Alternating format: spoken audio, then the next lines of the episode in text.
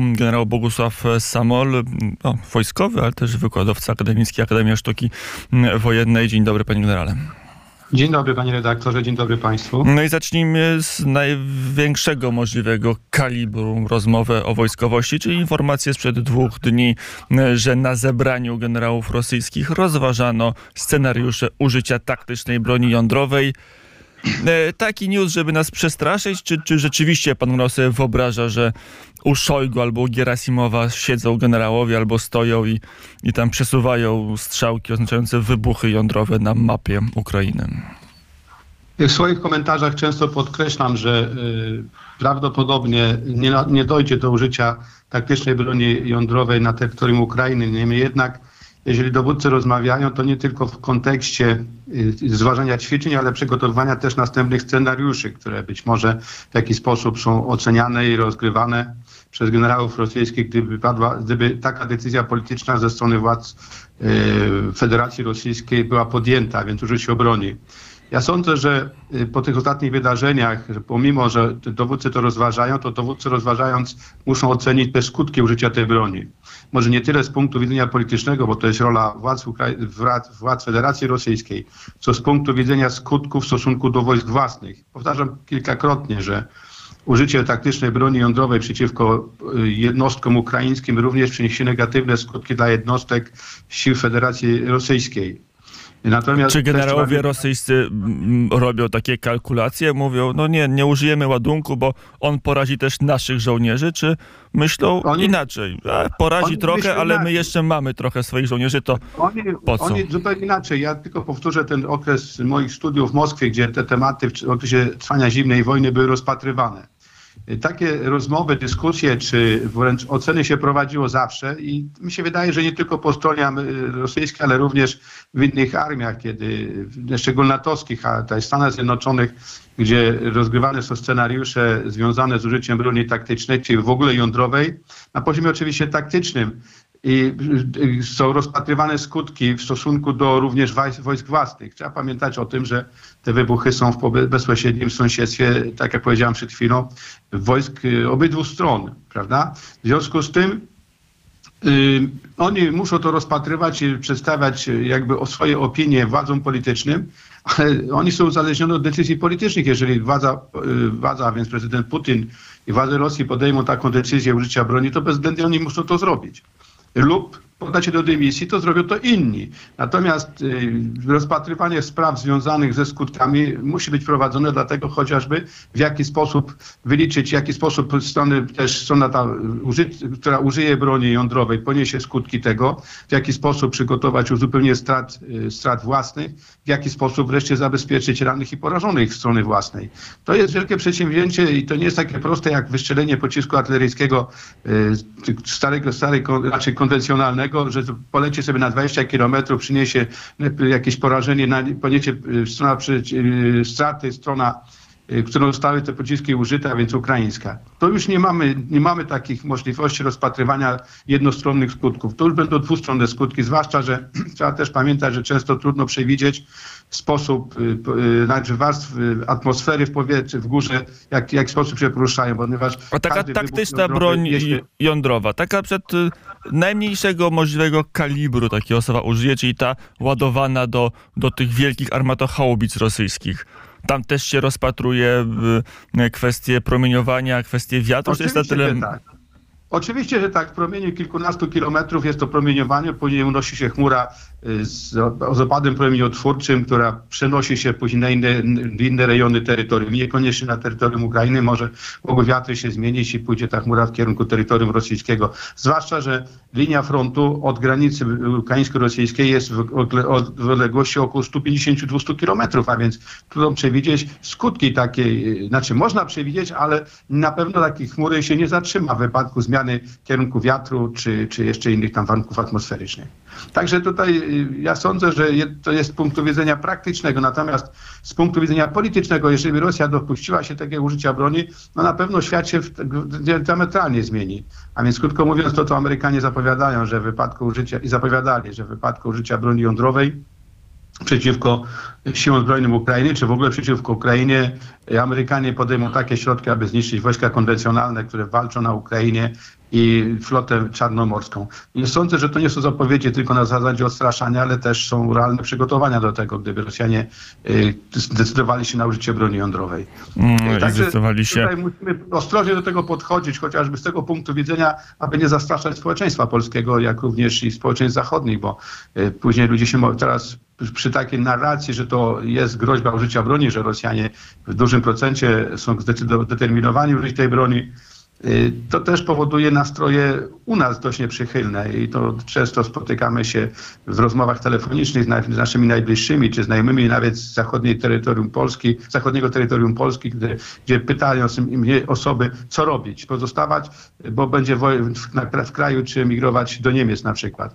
Ja tutaj tłumaczę, że tutaj trzeba spokojnie tego podchodzić, a media w tej chwili no, od kilku tygodni, a nawet od kilku miesięcy podgrzewają tę atmosferę. Mi się wydaje, że tutaj trzeba być bardzo ostrożny w tym i, i nie prowadzać, wprowadzać takiego jakby zakłopotania w społeczeństwie polskim i, i strachu.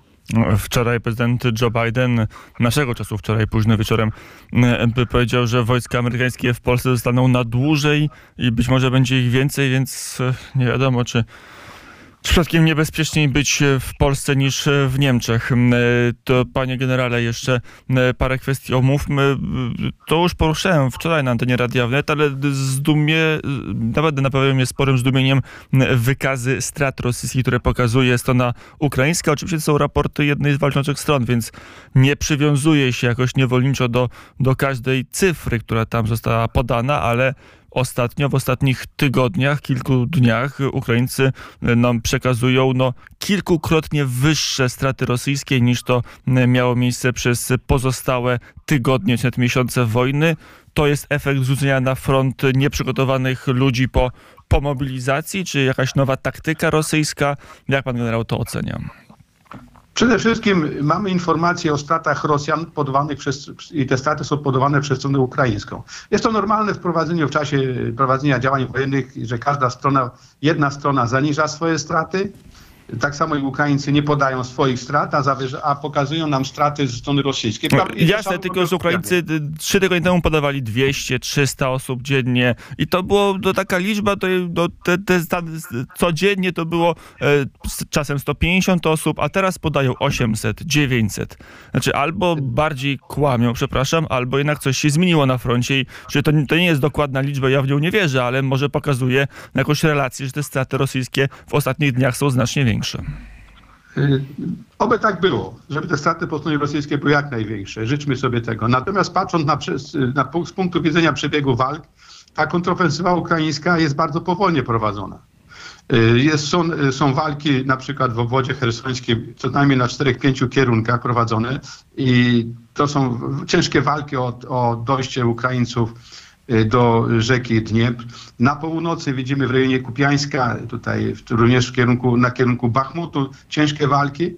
I sądzę, że straty ponoszą obydwie strony i trudno mi się odnieść, czy te są wysokości strat y, y, ponoszonych przez Rosjan są adekwatne do tego, co podają Ukraińcy.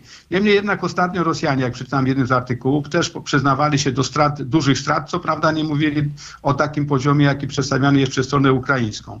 Tutaj trzeba być bardzo ostrożnym. W każdym bądź razie my jako obserwatorzy tego konfliktu zbrojnego w Polsce też musimy zbierać doświadczenia, szczególnie chodzi o wojskowych w zakresie y, czysto strategii wojskowej na przyszłość, a później określenia taktyki w stosunku do, do strategii, w jaki sposób ją prowadzić, taktykę, jaką taktykę stosować, jak wykorzystać pozyskiwane uzbrojenie i sprzęt. Y, ja sądzę, że dopiero po wojnie, kiedy ta wojna ucichnie przy, przy, po, przy, po, kilku latach, dowiemy się naprawdę w jaki sposób rzeczywiście taka, czy takie rzeczy, czy takie straty faktycznie były po stronie rosyjskiej. I pan zadał pytanie odnośnie y, strat, które mogą rosnąć z powodu tego, że na front są kierowani żołnierze y, rosyjscy bezpośrednio po, po wcieleniu do wojska, a więc w wyniku przeprowadzonej mobilizacji. I trzeba powiedzieć, że może tak być. Y, Rosjanie się śpieszą, ponieważ, ponieważ po pierwsze ponieśli ciężkie straty, ale to też było spowodowane tym, że inwazję na Ukrainę rozpoczęli wojskami, które nie były w pełni ukompletowane stanami osobowymi. Tutaj nie będę powtarzał o tym, że wozy bojowe nie były kompletne, obsługi dział i tak dalej, że ta liczba była zaniżona, bo powtórzę jeszcze raz, że sam kalkulowałem, biorąc pod uwagę ilość armii, dywizji, brygad, y, zgrupowanie na około 400 tysięcy. Okazało się, że było to w granicach 150 tysięcy, więc straty Rosjanie ponieśli duże. Y, Można liczyć, że przy tym użyciu, y, przy użyciu takich systemów walki, Ale też tu wróćmy, tak, no- czyli jak Rosjanie, czy zatrzymajmy się dokładnie rzecz biorąc, jak Tak. Rosjanie rozpoczynali tą operację, to ukompletowanie osobowe ich jednostek było na poziomie 50% albo niższe, czyli że, że, że, O, że Putin... Ale panie redaktorze, do tej pory, no każda armia, pokazują Amerykanie w 2003 roku, już nie mówiąc o pustyni burzy, które miała miejsce ponad 20 lat temu. Wojska inwazyjne, y, zgrupowania wojsk są, muszą być ukompletowane stanem osobowym do etatu tak zwanego etatu wojennego. To znaczy, jeżeli są struktury, brygady, brygada w czasie wojny powinna liczyć 3000, to ona powinna w takim stanie na wojnę iść. Rosjanie niestety y, zlekceważyli y, przede wszystkim Ukraińców, ich morale, jednocześnie mieli słabe dane wywiadowcze na temat gotowości strony ukraińskiej do obrony i przygotowali zgrupowanie inwazyjne, y, po prostu niedo, niedokompletowane z różnych powodów. A myśli pan generał ze swoim doświadczeniem, znajomością szkoły czy sposobu myślenia generalicji rosyjskiej, że przed Gerasimow albo Szojgu wiedzieli, czy nie wiedzieli, po prostu Na przyjmowali? pewno wiedzieli, ale panie A redaktorze... Putin wiedział? Putin po prostu się tym nie interesował. Putin widział swoją armię jako drugą na świecie, po Stanach Zjednoczonych najpotężniejszą i prawdopodobnie w te szczegóły nie wchodził. W związku z tym wydał decyzję polityczną, biorąc pod uwagę słabe rozpoznanie, znaczy biorąc pod uwagę, on po prostu nie miał prawdopodobnie danych rozpoznawczych w zakresie stanu gotowości obronnej państwa ukraińskiego. W związku z tym, tak jak oni uważali, że w ciągu kilku dni zajmą Kijów, a praktycznie y, w krótkim czasie padnie cała Ukraina. Nawet trzeba też zauważyć, że tak, tak oceniali Amerykanie na początku, przed rozpoczęciem tego konfliktu, że Ukraina będzie się broniła kilka dni, w ogóle w drugim, trzecim dniu czy padnie Kijów i wojna się zakończy. Rosjanie byli przygotowani, że Ukraińcy będą ich witać kwiatkami. No tak się nie stało, bo z chwilą rozpoczęcia inwazji już 20 24 lutego y, Ukraińcy postawili twardy opór, zaczęli zadawać Rosjanom straty. I jeżeli Rosjanie popełnili błąd strategiczny, bo uważam, to był błąd strategiczny, już nie mówiąc o tym, że błędem było rozpoczęcie wojny, ale niedokompletowanie wojsk, to są straty już nieodwracalne. I teraz Rosjanie po mobilizacji, którą przeprowadzili, a te, w tej chwili już tam y, ci y, jakby zarządzający obwodami administracyjnymi Bia- tej Rosji y, ogłaszają, że zakończyła się mobilizacja. Y, Rosjanie potwierdzają oficjalnie, że zmobilizowali około 300 tysięcy, z tego 80 tysięcy skierowali na front do uzupełnienia jednostek, które ponosiły straty a pozostałe 200 tysięcy przygotowuje się do kolejnej, jakby do kolejnej rozprawy z Ukrainą. I tak prawdopodobnie to, tak, tak się to w tej chwili dzieje, że Rosjanie działają dwutorowo, uzupełniają te wojska, jak powiedziałem przed chwilą, i jednocześnie budują, budują nowe zgrupowanie uderzeniowe. Tylko pytanie, z którego kierunku na nowo uderzą i kiedy. Ja sądzę, że dopiero w styczniu, w lutym, dlatego że y, okres przygotowania jednostek co najmniej trwa 6 miesięcy. Ja mówię o szczeblu batalionu, a później trzeba zgrać jeszcze dywizje, brygady i tak dalej. Tutaj też trzeba wspomnieć, o czym mamy już trochę informacji naszej Akademii Sztuki Wojennej po rozmowach i spotkaniach z oficerami, wykładowcami z Narodowego Instytutu Obrony Ukrainy, że Rosjanie popełnili błąd też w dowodzeniu. Myśmy kilkakrotnie rozpatrywali tę sprawę na antenie y, tutaj państwa stacji, państw, państwa stacji o, o śmierci szeregu y, generałów rosyjskich, no nie tylko y, brygady, ale również dwóch gwiazdkowych, trzech generałów. Dlatego, że była przyjęta błędna y, taktyka dowodzenia batalionowymi grupami. Pominięto poziom dowodzenia y, brygad i dywizji. Y, Ale to już jest troszeczkę inny temat, zbyt skomplikowany, żeby w tak krótkim czasie wyjaśnić Państwu na antenie. Natomiast było, w związku z tym było szereg popełnionych błędów przez stronę ukraińską, rosyjską, przepraszam, i Rosjanie ponoszą do tej pory te konsekwencje. Niemniej jednak, jak spojrzymy na mapę Ukrainy, to sam prezydent Zełański kilka miesięcy temu potwierdził, że Ukraina utraciła na rzecz Rosji około 20% terytorium. Jeżeli Rosjanie rozpoczynali wojnę, gdzie Ługańsk częściowo był planowany y, i, i częściowo Donieck w 2014-2015 roku, to teraz jak patrzymy na mapę, to są cztery kolejne obwody. Tam zostały przeprowadzone y, referenda, y, pseudo-referenda, jeżeli chodzi o przynależność tych. I Rosjanie i teraz Ukraińcy, to jest lekcja dla nas, y, muszą odbijać te tereny. I to wcale tak prosto, oddać, a trudno odzyskać. To wcale tak prosto nie idzie. To ostatnia refleksja i na podstawie tych rozmów z oficerami ukraińskimi. Jak ta wojna w zasadzie, którą wojnę obecny konflikt najbardziej przypomina? Bo, bo to chyba nie jest nowoczesny konflikt XXI wieku, o którym wiele napisano, ale którego jeszcze nikt nigdy nie, nie, nie widział. E, Są takie relacje, że w niektórych miejscach frontu to przypomina bardziej pierwszą wojnę światową niż drugą. Panie redaktorze, y, przez te kilkanaście lat, po, tysiąc, po rozpadzie y, Związku Radzieckiego, Czy po układu pustynnej burzy, bo chyba to jest taka Po operacja, burzy, tak, która ale- formułowała myślenie o wojnie przez wiele lat. Ale mimo wszystko pustynna burza była konfliktem konwencjonalnym na dużą skalę, tylko z jakim przeciwnikiem walczyli Amerykanie. To trzeba sobie zadać pytanie.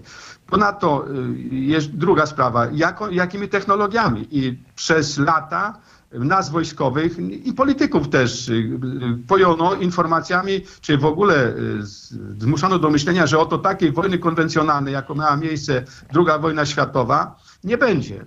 No, nas, i tutaj tłumaczenie sobie, czy to wojna starej generacji, nowej generacji, uważam, że to, jest, to są pustosłowia, dlatego że wojna kieruje się własnymi prawami. Przede wszystkim wojna polega na tym, że przedłużona jest polityka państwa i w zależności od stanu agresora, jego sił zbrojnych, jego celów politycznych, ale też obrońcy, wojna wtedy przybiega określony charakter i Rosjanie, którzy y, sądzili, że ilością y, może nie tyle ilością, co, y, co ze względu na swoją wielkość jako państwo pokonają Ukrainę, bo oni ocenili, że Ukraina jest słaba. Pokazuje, że konflikt znowu wraca do pewnych swoich starych reguł. To znaczy na wojnie, wojna polega na zabijaniu i niszczeniu siebie nawzajem.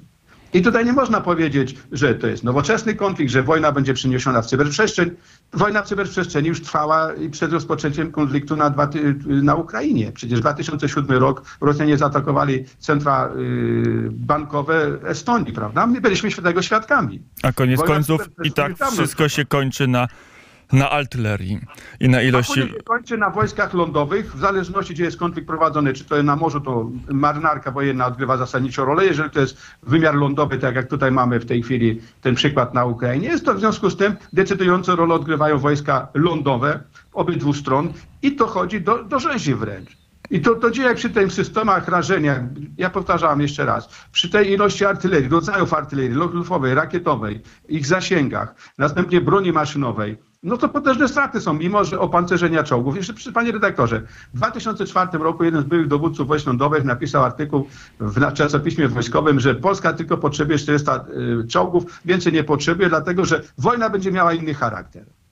A jeszcze w 1999 roku, kiedy y, Amerykanie y, uderzali, wykonywali uderzenia lotnicze na Serbię, y, na, na Bałkanach, wszyscy powiedzieli, że wojna dzisiaj będzie tylko przebiegała w powietrzu. I na lądzie oczywiście będzie rozgrywana dzięki lotnictwu. Ta wojna pokazuje, że niestety nie. Trzeba więc brać pod uwagę założenia do strategii wojskowej, które muszą uwzględniać przede wszystkim terytorium, liczbę, wielkość państwa, jego zasoby, cele polityczne i tak dalej. Szereg czynników, które, które później powodują tak, że, że tak czy inaczej wojna będzie przebiegała. I rzecz być może najważniejszą, czyli morale. Morale i żołnierzy, i Oczywiście, społeczeństwa. Tak. No, o moralach pisał już Clausewicz, że państwo jest podbite wtedy, gdy złamane są morale narodu, rozbita armia i opanowane terytorium. I dzisiaj Ukraińcy są właśnie zgodnie y, z klauzewicowskim twierdzeniem. Po pierwsze, utrzymują wysokie morale.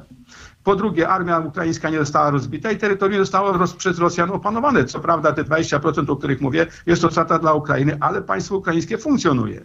W związku z tym, szanowni państwo, mówiąc o wojnie, nic się nie zmieniło od czasów, wo- ja wiem, czy pierwszej wojny światowej, a przecież też trzeba pamiętać o tym, nie rozpatrujemy A może- wcześniejszych wojny, już jeszcze w 1870 roku wojna e, prus- prusko-francuska, ona już była z użyciem nowoczesnych systemów walki, a więc dużej ilości artylerii. A może tak naprawdę w istocie nic się nie zmieniło od wojen galijskich Cezara.